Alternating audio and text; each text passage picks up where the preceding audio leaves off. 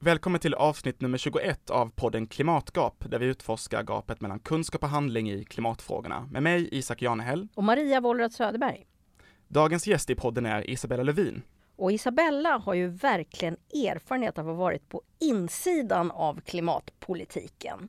Och ur henne ska vi försöka extrahera mesta möjliga visdom om två saker. Vad kan politiken egentligen åstadkomma? Och hur kan vi förstå varför det går så förbaskat långsamt med omställningen? Det var efter boken Tyst hav, jakten på den sista matfisken, som Isabella Lövin fick frågan om att engagera sig politiskt i Miljöpartiet. 2008 gick hon med i partiet och 2009 blev hon invald i Europaparlamentet, där hon satt i fiskeutskottet. Sedan 2016 är hon Sveriges vice statsminister och språkrör för Miljöpartiet de gröna. Sedan 2019 är hon också miljö och klimatminister. Välkommen till Klimatgap, Isabella Lövin. Tack så mycket.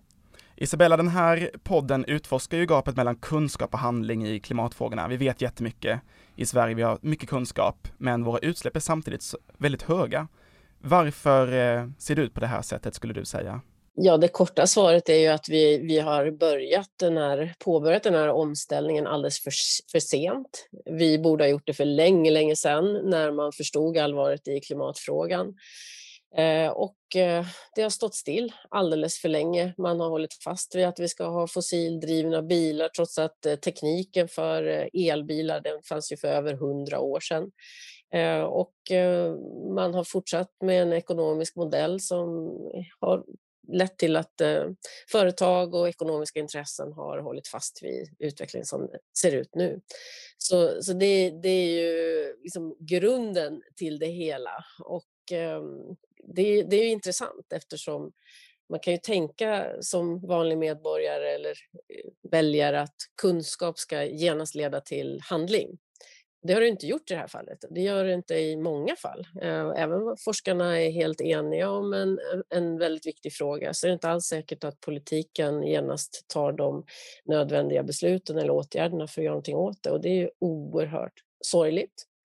Eh, och det är också ett skäl till, viktigt skäl till att jag gick in i politiken. Ah. Mm. Varför är det så?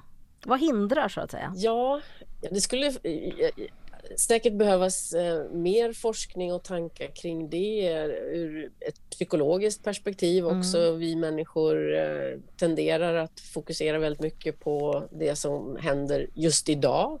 Mm. när det regnar och är dåligt väder så mm. tror man att det här kommer att vara för evigt. Men det, så är det ju inte. Utan, eh, eh, vi behöver rusta oss för framtiden. Vi behöver ett längre perspektiv. Mm.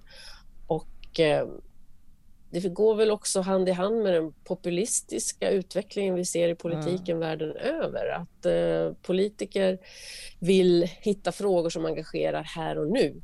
Och gå ut med kraftfulla åtgärder precis kring det problemet som händer just nu. Om mm. det är skjutningar eller om det är, mm. det är någon, någon annan skandal som händer. Ja, då kommer liksom de här kraftfulla mm. Eh, politiska satsningarna. Som med coronaepidemin. Det här med att lyfta blicken och säga att man ska göra någonting på lång sikt som är också kanske osäkert. Vad kommer mm. att leda till att ta bort de fossila energikällorna, att ställa om samhället. Mm. Det skapar liksom oro. Det är väldigt få politiker som vågar ta det ledarskapet och, och verkligen säga som det är, att vi behöver ställa om. Det, och det kommer att in, innebära förändringar för för människor, för medborgare och eh, man är rädd för att inte vinna val på de sanningarna. Om vi tar oss tillbaka då när du själv gav in i politiken 2008, du var själv mm. lite inne på det vad som lockade. Vad, vad var det liksom du hoppades uträtta när du tog steget in i eh, Miljöpartiet och politiken 2008?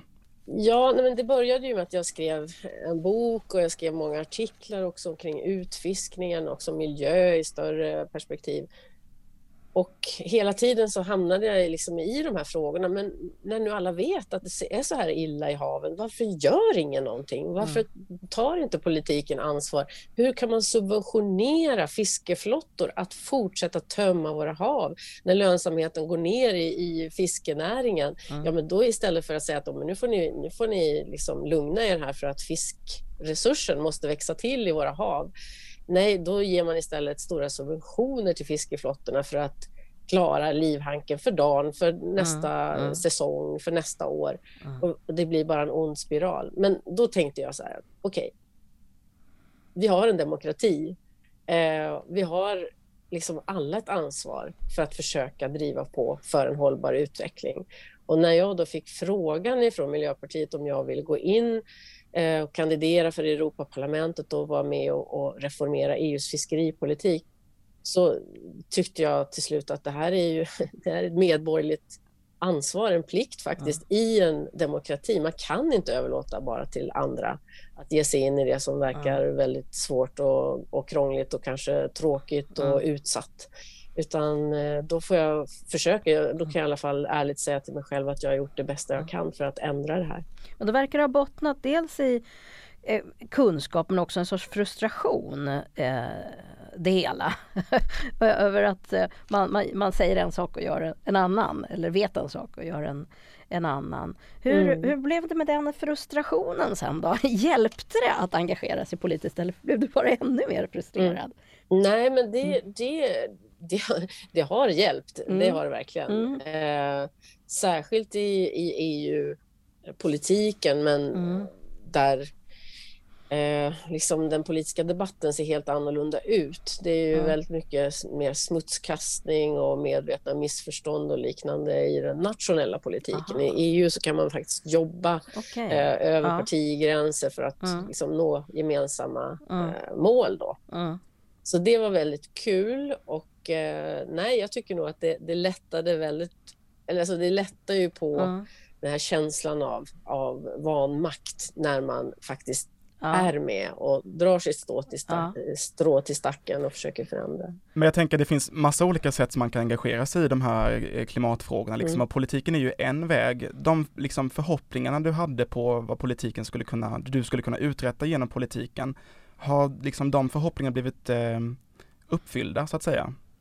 Ja, jag hade väldigt låga förväntningar på politiken faktiskt, när, när jag gick in. Alltså jag, jag, jag gick in och hade en Eh, ganska låg eh, förväntan på vad liksom, en enskild politiker skulle kunna förändra eller ett politiskt parti skulle kunna förändra. Jag såg liksom mer som ett, en, eh, en ogenomtränglig mur av liksom, mm. EU och lagar och regler och myndigheter och hur ska det här kunna förändras på sätt. Men liksom börjar man bena ner det här i sina detaljer och ser att det var, hur det går till, hantverket, liksom mm. att det är en person eller ett parti som lägger ett lagförslag, driver det genom systemet, får upp en fråga på, till debatt och på agendan, så, så, så liksom överträffade det mina förväntningar. Mm. Att jag som enskild ledamot ganska snabbt till exempel drev igenom att eh, EU alltså EU-parlamentet röstade nej till ett fiskeriavtal med ett västafrikanskt mm. land där det just hade skett en militärkupp. Hade jag inte liksom tagit det initiativet mm. eh, så eh, då hade det gått igenom mm. det där avtalet som vanligt och att EU-fartyg skulle få fiska i de vattnen mm. precis som vanligt. Eh, men i och med att jag tog upp den frågan så blev det en, en eh, opinion och en debatt och det blev politiskt tryck på andra partier och så ja, för mm. första gången någonsin så röstade EU-parlamentet nej till ett sånt här så kallat fiskeriavtal med afrikanska länder där EU-fartyg får mm. tillträde. Det var liksom en helt svindlande upplevelse att oj, hade jag inte suttit där, hade jag inte tagit upp den här frågan, då hade det gått som per automatik att det där skulle gå igenom. Mm. Så det var liksom första upplevelsen av att oj, man kan faktiskt förändra. Eh, och sen är ju ja. demokrati, jag tycker att det är så viktigt. Jag hade mitt sista anförande i partiledardebatten i riksdagen alldeles nyss och då, då så vill jag liksom bena ut det här att det är liksom de som känner att politik inte spelar någon roll, alla politiker är likadana, det är helt meningslöst att rösta liksom måste förstå, för det första, och det kan jag verkligen säga inifrån min erfarenhet, alla politiker och alla politiska partier vill inte samma sak. Man har helt olika utgångspunkter och drivkrafter. Man har olika agendor. Mm. Det, liksom, bara man accepterar det så är det liksom nummer ett. Nummer två är att förstå att varje politiskt parti i en demokrati måste göra sitt bästa att utifrån sitt väljarstöd få igenom så mycket politik som möjligt. Och det kan innebära kompromisser, det kan innebära samarbete. Det är inte att svika väljarna, utan det är att göra sitt bästa av hur mycket väljarstöd man har. Har... vi, alltså jag och Miljöpartiet får ju ofta, jag ska bara säga sista slängen där, att vi får ju ofta liksom den här att väljarna känner sig besvikna att vi inte har gjort mer. Ja, men vi har 4% av väljarstödet och vi har fått igenom väldigt mycket mm. politik. Vill man ha mer miljöpolitik, mer klimatpolitik, ja, men då måste man ju rösta på de demokratiska företrädarna som verkligen vill och driver klimatpolitik. Och du har ju annonserat din, din, din avgång och ska säga ditt steg ut från politiken nu mm. och du var själv lite inne på, på de här fiskreformerna i EU men vad liksom, finns det någonting annat sådär som du lämnar bakom dig nu där du är extra stolt? Jag tänker också på den här eh, när du skrev under klimatlagen 2017. Vad, när du blickar tillbaka sådär i slutet, vad, vad är du stolt över? Och det, jag väldigt stolt över många saker men jag tycker framförallt eh, utifrån min tid i regeringen nu och första gången som Miljöpartiet har suttit i regeringen, att vi har drivit igenom strukturella förändringar som faktiskt lägger fast en, en ett mål eh, och ett arbetssätt för hur vi ska minska utsläppen i Sverige eh, som sitter fast nu. Eh, vi har ett, eh, en klimatlag, ett klimatramverk, vi har ett klimatkollegium eh, där den inre ministerkretsen som har ansvar för de viktigaste frågorna som orsakar utsläppen jobbar tillsammans nu för att se till så att vi i budgetar och hela liksom, regeringsarbetet ser till så att vi får ner utsläppen. Och det fanns absolut ingenting av det mm. när jag klev in på miljödepartement eller på, i regeringen. Att eh, det arbetet har vi ju faktiskt fått på plats nu och det är jag väldigt, väldigt stolt över. Och det här med, med, med, med hur vi hur vi levererar i förhållande till de här målen. Vi vill gärna diskutera lite senare. Mm. Men jag vill bara stanna lite grann i den här personliga erfarenheten som du har. Eh, för jag, ibland har jag fått frågan om jag vill engagera mig politiskt och då, då har jag bara mm. tänkt så här, nej men jag ja, då kommer blodkärl i hjärnan brista på mig alltså för att jag skulle bli så frustrerad över att, att vara inlåst i de, vad ska man säga, förväntningar, roller, löften, mm. parti, eh, eh, mm. polarisering, målkonflikter som mm. finns. Så jag är rädd att, mm. att jag skulle bli, bli så vansinnigt galet frustrerad. Och, och, mm. och, och jag, jag är väldigt nyfiken på hur tampas man med det där alltså? Mm. Jag förstår exakt vad du menar och jag har gått igenom exakt den frustrationen. Är dina blodkärl hela såklart. i huvudet fortfarande efter detta? Ja, ibland har blodtrycket varit alltså, så att jag känt alltså, det är bara som ja. nu snart sprängs skallen. Mm. För att eh, ja, men det, det är ju det är både och. Va? Det är ju, dels så finns det ju också en glädje och en gemenskap i eh, att Eh, jobba tillsammans med andra som har samma insikter som man själv och som vill ungefär samma saker som, som en mm. själv. Mm. Sen är det klart, tidigare när jag var fri debattör, författare, opinionsbildare, mm. då kunde jag liksom utan att behöva ha ett partistyrelsebeslut på det kunna gå ut och säga vad jag tyckte i olika frågor. Mm. Nu kan jag ju inte det som, som ledare för, för Miljöpartiet, än mindre mm. som minister i en regering. Då måste mm. man ju också liksom ja, kan inte säga vad som helst. Kan inte, jag måste ju vänta in och, och se till så att vi får igång en process för att åtgärda det jag vill mm. åtgärda innan jag kan säga det oftast. Mm. Så att det, det, man får ju ha lite tålamod helt enkelt. Men samtidigt så är ju i andra vågskålen att faktiskt se förändring hända på riktigt. Mm. Det ger ju faktiskt också en väldig tillfredsställelse. Sen sker det ju ofta i en sån vansinnig takt, i alla fall om man sitter i regering. Eh, att man hinner inte riktigt njuta av eh, sina framgångar eh, utan det kommer nya problem hela tiden. Eh, men det är väl det som jag också ser fram emot mm. lite grann nu när jag slutar också, att kunna göra lite facit av eh, den här tiden och kunna tänka igenom vad, vad som... Ja, jag, jag, måste verkligen säga att det har, varit, det har ju varit värt det såklart. Men finns det något eh, tillfälle där du har där du känner att du blivit inmålad i ditt hörn så att säga, där, där politiken har satt begränsningar. Du kommer ju in i politiken med mycket kunskaper eh, om de mm. här mm. frågorna och sen så sätter du dig i i nu slutligen då i, i en regering. Alltså, mm. Har du ibland känt dig låst i att inte riktigt kunna plocka fram all din gemensamma kunskap i ämnet för att du måste förhålla dig till att du representerar en regering i första hand och ett, ett parti i andra hand? Ja, men det är klart. Alltså, I vissa frågor, och nu sitter vi i januariavtalet eh, och det, det är ju alltså, det är så otroligt viktigt att människor förstår att vi har en demokrati. Vi måste ha en majoritet i Sveriges riksdag för att överhuvudtaget kunna styra landet. Vi är ju inte överens med Liberalerna och, och, och eh, Centerpartiet och inte med Socialdemokraterna heller i alla frågor. Men någonstans måste man ju ändå då se till, så här, ge och ta, försöka ta steg framåt. Och visst, så får man ju bestämma sig för vad finns det för röda linjer som vi absolut inte kan kompromissa med. Men, eh, men det är klart att eh, vissa frågor som vi har kompromissat med nämnda partier i eh, tycker inte jag är bra och vissa av de här sakerna går ju emot kanske också kunskap mm. om miljö och ekosystem som vi hade behövt vara mycket, mycket mer ambitiösa kring än vad vi kan mäkta med med tanke på hur riksdagen ser ut. Vi har ju en riksdag som helt plötsligt eh, röstar igenom oppositionens budget eller riktar misstroendevotum mot enskilda ministrar. Alltså det är, det är liksom det, det systemet vi har. Jo, det du nu pratar om är ju att eh, mm. det politiska systemet har en del inbyggda mekanismer som, eh, som, mm. som, gör, som skapar tröghet. Det kanske inte är gjort för den här typen av frågor som är långsiktiga och så vidare. Eh, men eh, men du, har, du har också pratat om perspektiv som mera är så att säga kulturella eller vad man ska kalla det, att vad vi har utvecklat för en sorts politisk kultur.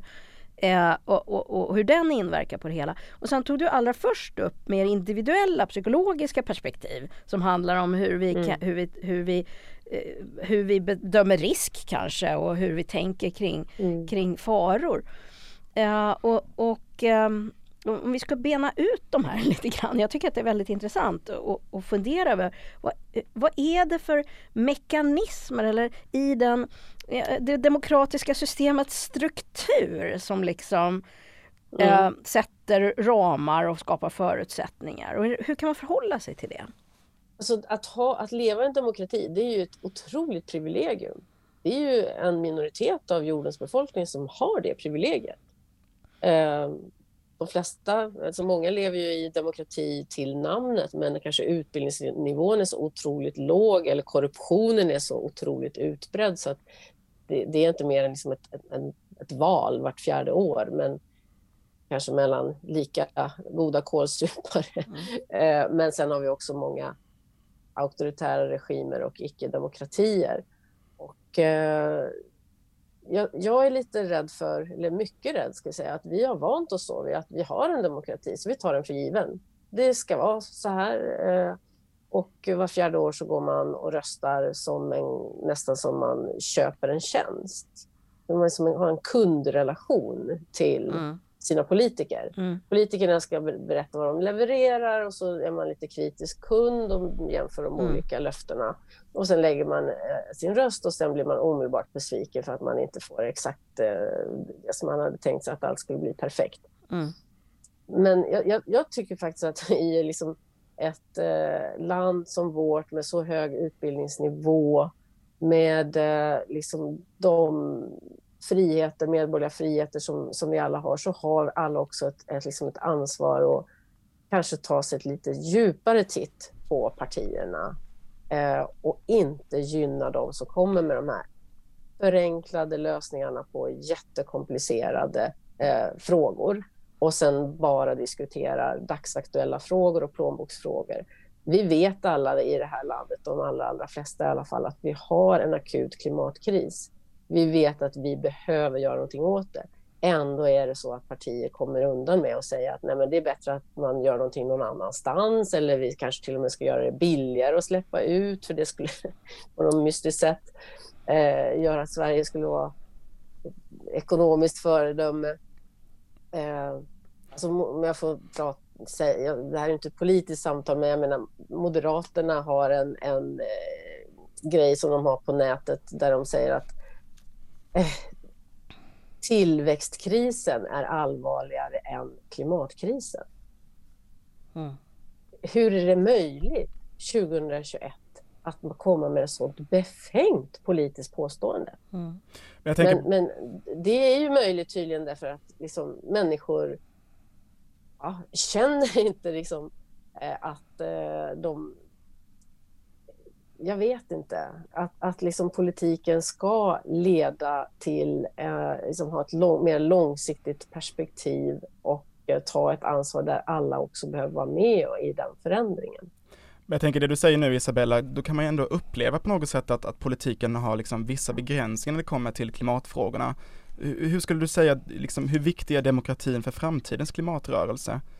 Och jag, alltså den är ju jätteviktig jag tror man får absolut inte tro att eh, någon slags diktatur ska lösa klimatfrågan och sen återgår vi till, till demokratiska styrelseformer efter det. Mm. Utan vi, vi har alla ett ansvar att ta eh, och eh, sen den här individuella ansvaret för klimatfrågan, det tycker jag är väldigt intressant. Där kan forskningen verkligen bidra. Eh, Mistra, på KTH har man ju gjort någon forsknings... Eh, har ett projekt nu kring alltså hur, hur stora utsläppsminskningar skulle vi kunna åstadkomma med våra individuella konsumtionsval. Mm. Om alla vi slutade flyga, eh, i princip slutade köra bil, mm. eh, äter veganskt, eh, bara köper mm. second hand. Och då skulle vi minska konsumtionsutsläppen i Sverige med 40 procent. Det räcker inte. Vi måste minska utsläppen med 100 procent. Mm. Vi måste ju få ner utsläppen från offentlig mm. konsumtion, ifrån industrin och eh, dessutom så finns det inte en chans i världen att eh, 100 procent av Sveriges befolkning skulle känna sig så motiverade att de gjorde frivilligt den här livsstilsförändringen. Mm. Så vad vi behöver är ju politiska reformer och, och förändringar som gör det möjligt för hela samhället att komma ner till ny teknologi med nollutsläpp. Det är liksom det som är det viktiga. Sen med det sagt så kan ju vi alla hjälpa till. Det, det, som du säger nu, det pekar ju, det används ibland som ett argument för att det inte spelar någon roll vad individen gör. Och det, eh, forskning som jag har eh, eh, tittat närmare på och faktiskt även eh, bedrivit själv pekar mot att det spelar väldigt stor roll därför att individen, eh, individens val och särskilt när individer pratar med varandra och det blir en rörelse utgör stödet för politisk förändring. Så att de här nivåerna hänger ihop. Man kan inte ställa mm. dem mot varandra. Vad skulle du säga mm. om det? Nej, men det? Det tycker jag är jättebra att du understryker. För jag, det, det, det, tror jag också. För att det liksom just på den nivån, att det leder till samtal, det leder till mer Liksom, vi är sociala varelser, vi, liksom, vi följer ledare, det är olika trender, man, man liksom, det också trycker på industrin och olika företag att, att förändra. Och som du Men pekade på tidigare så är ju även politiker individer.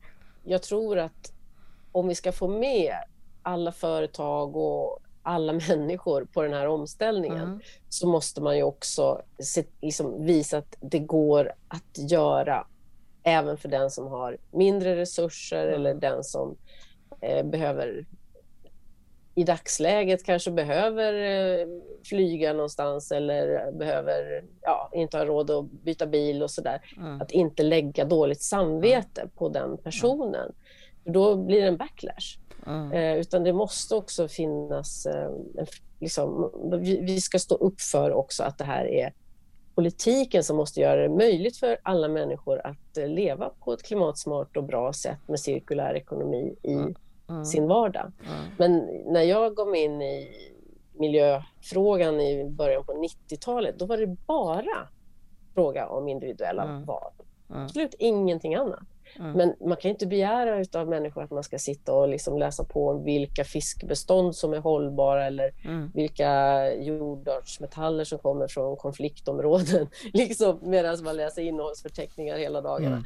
Mm. Det, är liksom, det, det, är o, det, det är orealistiskt och det kommer inte heller att leda till den förändring vi behöver utan vi måste också ta ett politiskt mm. ansvar. Men jag tänker på liksom hela den här förändringen Isabella, så vi pratar om nu just det här att människor måste förstå eh, allvaret och man måste också, precis som du säger, man måste vilja förändra i sig, man måste få kunskapen någonstans ifrån. I hela den här liksom ledet av förändringar, när eh, är politiken som är absolut viktigast? Alltså är politikens roll att undervisa, eller inspirera till människor att vilja också göra en förändring? Eller när säger du att politiken... Eller är det att reglera? Att mm. Peka riktningar? Eller vad, vad är det? Nej men jag, alltså det är ju två saker. Det är att leda och att få med sig. Liksom, att sätta ett mål och sen få med sig mm. folk på det. Få med sig en majoritet i riksdagen, mm. få med sig näringslivet, få med sig människor. Och så kommer man till en kritisk punkt där folk tycker att oj, ja men nu, det här är ju mm. självklart mycket bättre. Jag tror att vi är på väg dit vad det gäller eh, elbilar till mm. exempel. Eh, för bara några år sedan så var det ju man tyckte det var helt orealistiskt att vi skulle förbjuda fossilbilar till år 2030. Mm. Nu säger Bil Sweden och Volvo och alla andra att liksom mm. inom bara några år så är det bara mm. laddbara bilar och elbilar som kommer finnas på marknaden. Och mm. det är ju genom politiken som företagen har förändrat sig. Mm. Genom att vi satte de målen, ja men då la ju flera av de här biltillverkarna om sina planer. Eh, så att någon måste sätta de här som först verkar orealistiska mm. målen eh, och vara lite modig.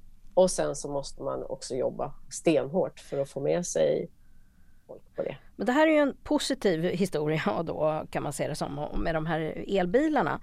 Eh, men om du ska vara, om, titta baks med, tillbaks med själv, en sorts självkritisk reflektion kring det hela, kring ert arbete i Miljöpartiet. Det, det har, vad har ni inte varit så bra på att få med? Du säger att man ska få med sig folk, leda och få med mm. sig.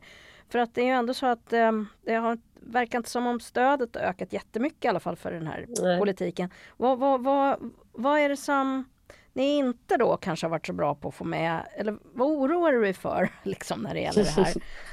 Ja. Nej, men det är klart vi har gjort massor med, med mm. misstag och mm. jag tror att det, det allra första skälet till att vi inte är, är, så starka i opinionen nu det är ju att vi har suttit i regering så länge mm. och liksom kan ha svårt att komma ut med ett tydligt budskap. Vi har mm. också haft alltså de här strukturella förändringarna som, mm. som vi har gjort med eh, klimatlagen, klimatramverket, mm. genom att reformera EUs utsläppshandelssystem. Liksom det är sådär urtråkiga saker. Ja, det är inte så sexigt faktiskt. De, de börjar nu ge jätte, jättestor effekt mm. i verkligheten. Mm. Och vi kanske behöver jobba mer på att liksom få, få cred för det. Eh, det är lättare att peka på laddstolpar och elbilar och solceller mm. på taket och det, det, gör vi ju också. Men eh, det har skett otroligt mycket under de här sex åren som vi vi behöver vara tydliga med att det hade inte hänt utan oss. Så är det. Men du säger att ni har gjort en del misstag. Skulle du säga att gå in i regering till exempel kan vara ett exempel på någonting som kan räknas som ett misstag? Eller liksom, vad har det mm. hjälpt er att gå in i regering så att säga? För som Maria säger mm. så har ju väljarstödet på många sätt också svikit efter det. Mm. Absolut inte ett misstag att gå in i regering utan tvärtom. Alltså det, att, anledningen till att man har ett politiskt parti det är inte för att få höga opinionssiffror utan det är faktiskt för att förändra och eh, bygga ett hållbart samhälle för vår vår del som Miljöpartiet. Men höga siffror och, eh, kan ibland vara förutsättningen så att säga för att få igenom, du var inne mm. på det själv, just det med att man ligger liksom i underläge direkt mot till exempel ett sådant stort parti som Socialdemokraterna när man ska förhandla. Mm. Men vi har också fått igenom otroligt mycket mer än vad vi hade om vi hade suttit i, i opposition i riksdagen och bara kritiserat. Vi ses ju, om man jämför med många andra gröna partier runt om i världen som har väldigt höga opinionssiffror nu men som inte sitter i regering. Men eh, av den gröna globala rörelsen så ses ju vi som ett stort framgångsexempel. Eh, Sverige har ju rankats som det land i världen som har den bästa klimatpolitiken tre år i rad. Eh, och eh, vi är också ett av de få gröna partier som har lyckats med konststycket att sitta, eh, komma igen efter ett val och sitta i regering igen. Ehm, Fast det kanske bara pekar på det, hur illa det står till globalt, jag på säga. Ja, ja, precis. Nu ja. har vi, alltså det är ja. ju en fantastisk grön rörelse mm. i Europa nu. Jag mm. blir så glad när jag ser mm. eh, grön ministerkollega efter ministerkollega ansluta sig. Nu har vi gröna i eh, Finland, vi har gröna i eh, Luxemburg sen gammalt förstås, men mm. vi har i mm. Österrike och även Irland och nu också Belgien. Så att nu är vi ett helt gäng gröna ministrar mm. och fler lär det komma. Så att mm. det, det händer ju saker. Men får jag envist, mm -hmm. Isabella, komma tillbaka ja. till den här självreflektionen? Jag, tror, jag förstår att det är svårt att svara på men på sätt och vis så var det så att eh, nu fick vi det, det huvudsakliga svaret var att, eh, att det som ni kunde ha gjort bättre var att framhäva mer det som ni har gjort bra så att säga. Mm. Men finns det mm. inte ändå saker som du funderar över hur man skulle kunna förhålla sig annorlunda till i framtiden? Då kanske inte du är med i, i spelet just i, i, när det gäller den nationella politiken på det sättet som du är nu, men i alla fall. Om vi ska lära oss av ja. dina erfarenheter för framtiden. Alltså, vi, vi var ett litet parti som eh, hade som mål sedan länge att eh, sitta i regering. Det var ju någonting som Maria Wetterstrand och Peter Eriksson på sin tid satte som mål och, mm. och eh, långsiktigt arbetat för. Så utifrån det perspektivet kan man inte säga att vi, vi har misslyckats Nej. genom att sitta i regering två mandatperioder mm. i rad. Och Mm. Tittar man också på ja, hur det ser ut rent, eh, rent faktiskt naturvetenskapligt, så om inte nu så när ska vi sitta i regering och se till så att. Sverige får en klimatlag och driva på EU och så vidare.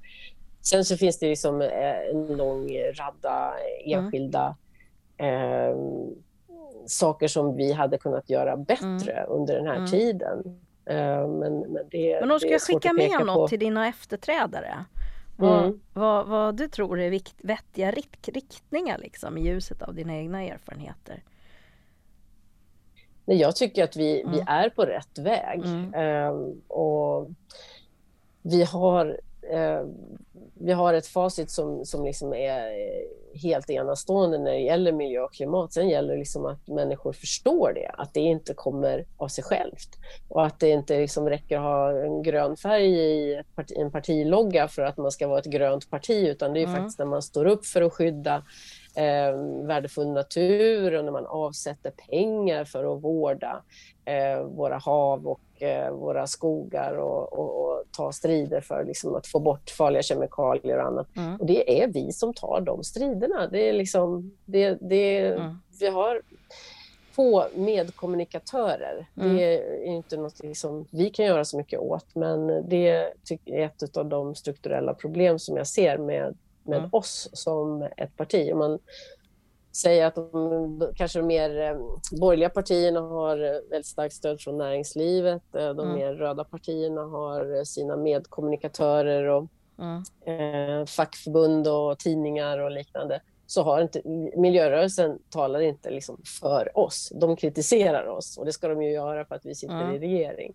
Eh, men, vad kan man göra åt det där vi, där har vi eh, en kommunikativ utmaning. Mm.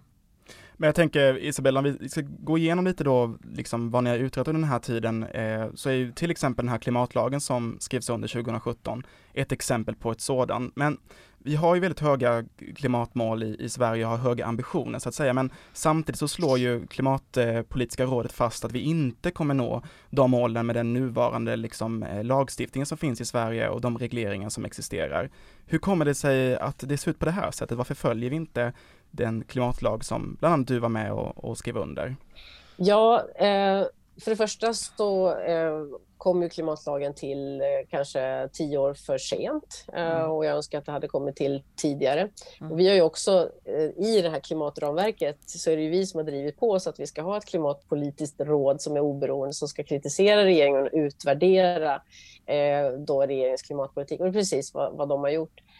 Men när deras senaste utlåtande kom då från Klimatpolitiska rådet så eh, var det innan eh, vår budget för 2021 och nu har vi gjort väldigt eh, stora, historiskt stora satsningar på en grön återhämtning efter corona och också en reform av eh, den så kallade reduktionsplikten, alltså inblandning av förnybart i bensin och diesel.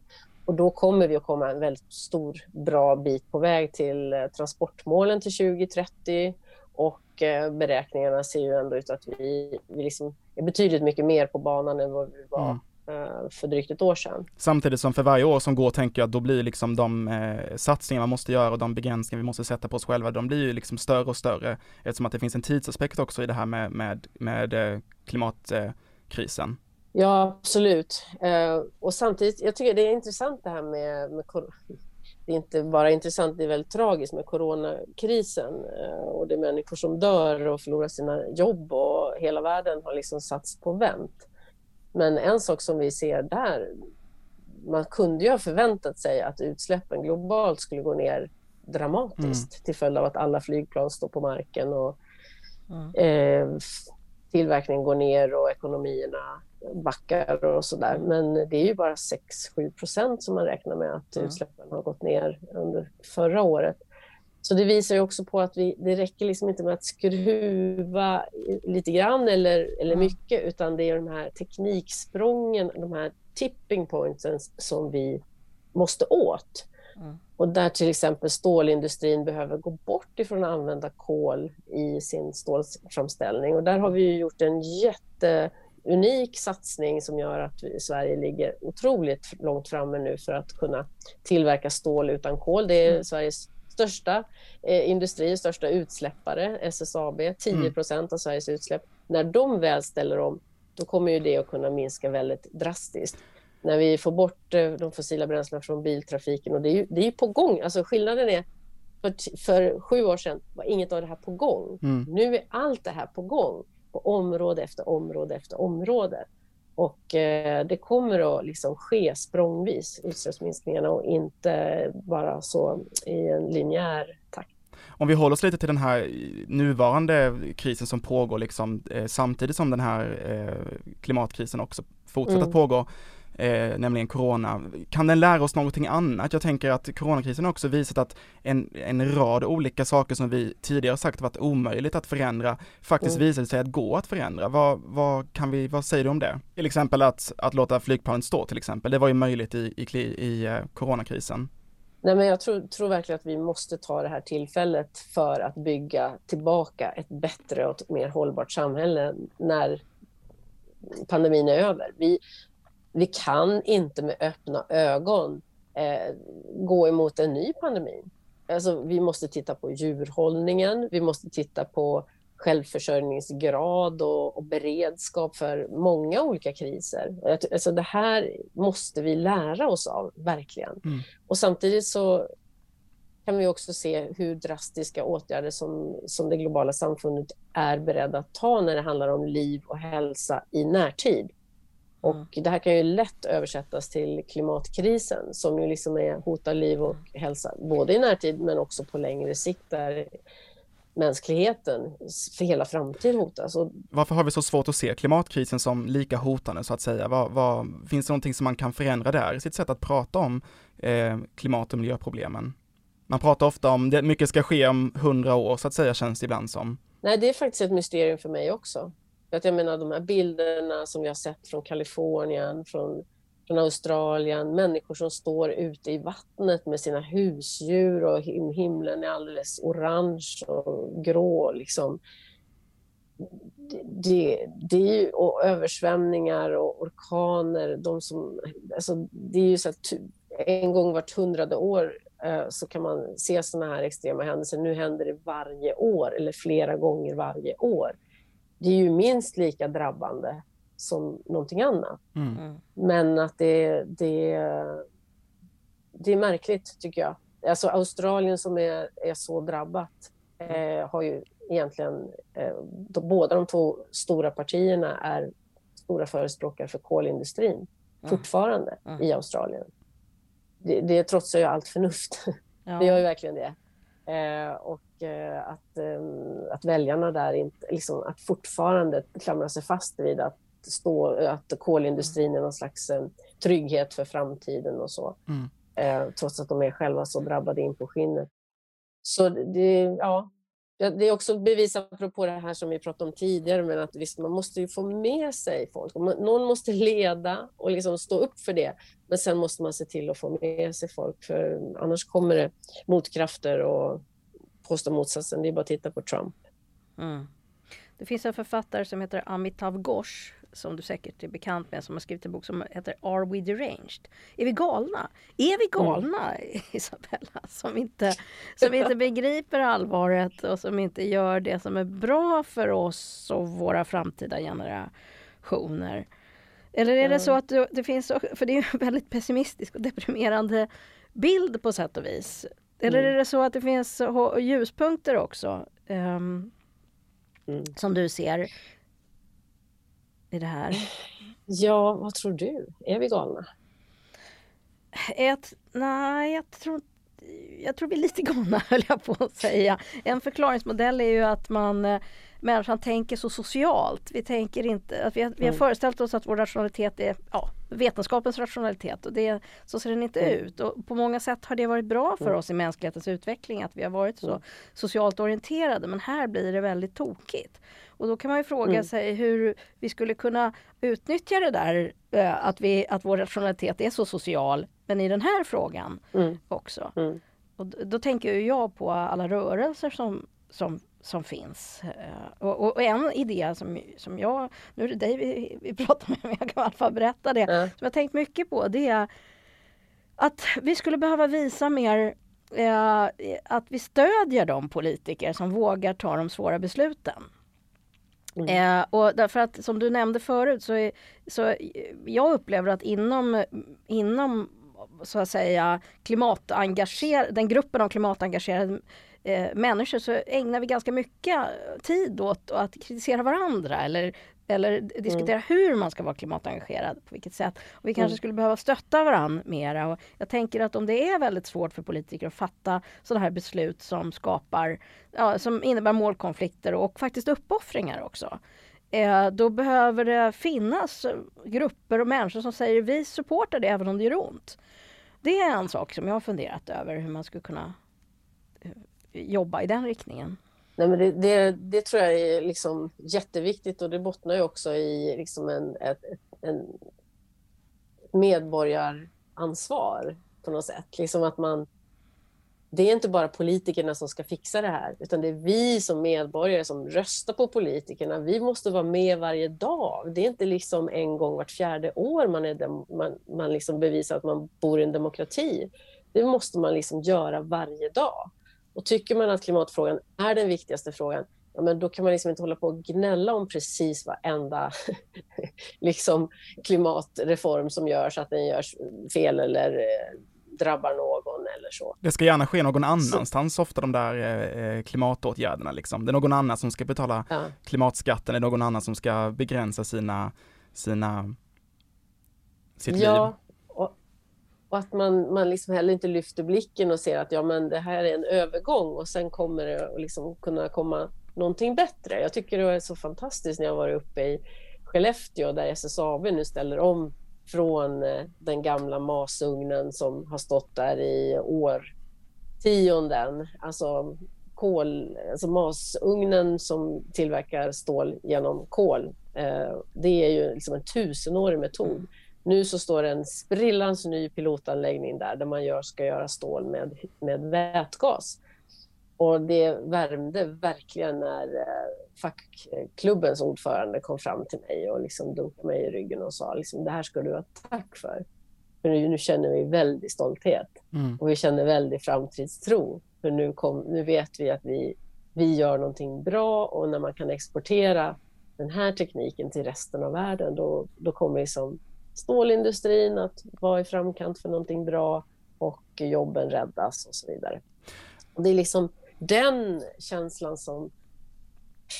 Alltså man, man måste stå pall för att det, blir, det måste bli en förändring. Det är inte säkert mm. att det blir en förändring till det sämre ens för de som jobbar inom fossilindustrin eller idag känner mm. att de är så otroligt mm. beroende av några av de aktiviteterna som orsakar utsläpp. Men samtidigt Isabella men, så kan ju ändå mm. liksom eh, klimatkrisen tvinga oss att göra en del uppoffringar så att säga, eller förändra vårt liv. Och vi har tidigare pratat om detta också i podden, just eh, att man måste också våga prata om att det kan göra ganska så ont att ge upp saker. Man kan till exempel älska till exempel att uppleva världen genom att eh, flyga Eh, har du några egna sådana där grejer där du känner att du har behövt eh, ge upp saker som har känts jobbigt för, eh, i, i förmån för klimatet? Nej, alltså för jag känner, jag känner ju mer tillfredsställelse när jag liksom får möjlighet att, att eh, ja, men hitta liksom någon del i sättet att leva eller konsumtionen som, som gör att jag får mindre dåligt samvete för eh, min privata konsumtion. Men men, eh, men det är klart att det skulle ju vara... Det är många saker som skulle kunna vara så mycket enklare eh, om det fanns politiska strukturer på plats. Mm. Jag tänkte på Maria, det du var inne på förut, liksom hur man når, are we crazy eller deranged? Mm. Um, för människor är olika mm. också. Alltså vi är inte bara liksom en sort, mm. hela mänskligheten. Det tycker jag är något som jag har lärt mig också. Man, man försöker övertyga människor med fakta och mm. vetenskapliga mm. eh, argument. Då når man en viss del av det. Mm. De lyssnar på det. Sen finns det en annan del av befolkningen mm. som lyssnar på de ekonomiska argumenten. Det mm. här kommer du att vinna på. Det här kommer att gynna dig. Du kommer att få det här liksom, stödet istället. Eller det här kommer att De lyssnar på det. Så mm. finns det de som lyssnar bara på liksom, hjärtat mm. och maggropen. Mm. Så man kan använda liksom, känsloargumenten. Eh, ja, men liksom, tänk på dina barn och barnbarn och, och ni måste ta ett ansvar. De lyssnar på det. Alla tre de här sakerna är ju sanna. Eller kan vara sanna. Men liksom samma resonemang och sätt att tänka går mm. inte hem hos alla. Sen Nej. finns det de som liksom skiter i alla de här tre sakerna. Nej, det vet ju vi retoriker att det är så att människor dels är olika men också att det kan vara ja. situationen kan avgöra och det kan vara dessutom inom en och samma människa olika mm. perspektiv som är relevanta vid olika tillfällen och i förhållande till olika saker. Men jag vill återkomma till en, en, en, en liten betraktelse. Är, är det så att vi har invaggat, jag tänker på hela den här beskrivningen du gör av politikens förutsättningar. Är det så att vi mm. liksom under de här senaste 50 åren någonting har invaggats en idé om att det finns en utveckling som till det bättre hela tiden som är självklar. Den pekar i en, i, i, i en, i en viss riktning där där jag får bättre och bättre förutsättningar och behöver ta på sätt och vis mindre ansvar själv. Nu tänker jag högt här, jag vet inte om det är något, mm. om det är något mm. bra. Och då blir sådana här målkonflikter, att vi ska behöva välja bort någonting. Det blir väldigt störande, det blir som ett tecken på att politi politiken inte är som den ska eller att samhället, det är något fel. Vi kan liksom inte riktigt acceptera mm. det. Och, och um, Eh, ser du något? Är det en kultur? Beror det på att vi har haft det så bra så att säga i Sverige? Mm. Att vi har mm. blivit så vana vid att Alltså politiken ska lösa våra problem på ett restlöst sätt så att vi mm. har svårt att mm. hantera att det också innebär vissa begränsningar. Mm. Nej, jag, jag, är väldigt oroad över det. Uh, det är svårt att jämföra olika länder. Alla länder har mm. väldigt olika historia och eh, bakgrund. Men den här liksom, populistiska vågen som vi ser över västerländska mm. demokratier, den är väldigt djupt oroande. Och liksom, det började någon gång för inte så länge, eller ganska länge sedan med Berlusconi i Italien. Man får liksom en föreställning om att nej, vi, varför hålla på och tjafsa med, med demokrati? Det är bättre mm. att ha en stark företagsledare som mm. kan ordna upp och som sköter mm. landets affärer som man sköter det lite rationellt mm. som, som man sköter Milan eller eh, Rete Quattro eller liksom hans eh, stora företag.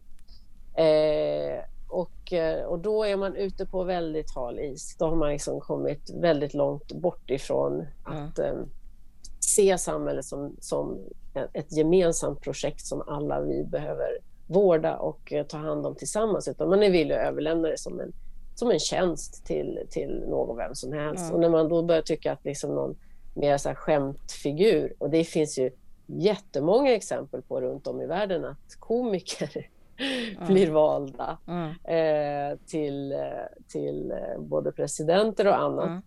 Eh, man tänker att liksom politiken är någon slags skämt. Eh, mm. det kan, vi kan lika gärna ha den här skoja gubben. Och där är ju liksom Trump eh, mm. ett exempel på det. Eh, och då är vi också ute på otroligt djupt vatten. Mm. Men du lämnar ju eh, politiken nu Isabella. Eh, ja. Vad fick dig att fatta det beslutet just nu? Alltså varför var, var tiden mogen så att säga?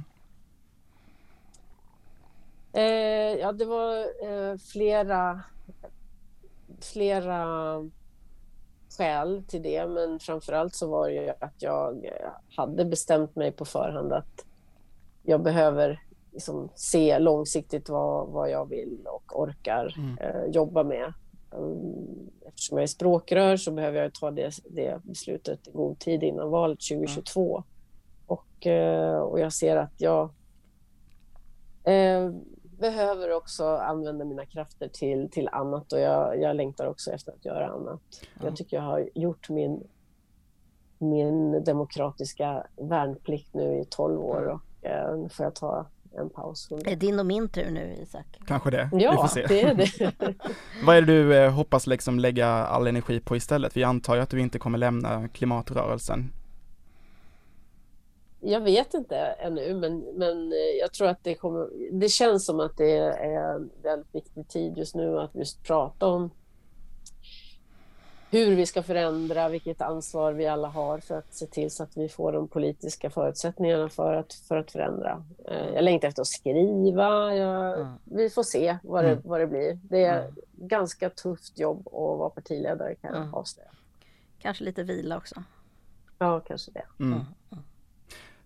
Tack så jättemycket Isabella för att du var med i podden Klimatgap och pratade om detta. Mm. Så önskar vi dig lycka till i framtiden då. Tack för att ni bjöd in mig. Det var roligt. Och tack till alla er som lyssnar på Klimatgap. Vi ser varenda lyssning eh, och är jätteglada för det. Tycker ni att vi gör ett bra jobb, hjälp oss jättegärna att sprida vårt ord. Vi finns på Twitter och Facebook och där heter vi självfallet Klimatgap. Och tack till dig Maria. Ja, tack till dig Isak. Har du några spontana eh, tankar som du behöver få ur dig? Ja, jag har många egentligen. Eh, Det väcker många tankar det här. Eh, Men eh, en sak är ju som jag har tjatat om förut men jag tar upp det igen att vi måste vara himla rädda om demokratin. Eh, Och, och liksom visa att vi kan ta ansvar för klimatfrågan. Mm. Vi måste göra det. För, för, så vi inte lämnar spelrum för, Mm. för en, en sorts politiskt samhälle som vi inte vill ha. Mm. Vad tänker du? Nej, men jag håller med dig just de här tankarna om demokratin det var intressant också att höra Isabellas tankar just om detta, trots att man befinner sig i politikens hetluft och kan känna frustration. Hur viktigt hon ville poängtera ändå att demokratin är vägen framåt för klimatrörelsen och omställningen. Klimatgap produceras av Södertörns högskola. you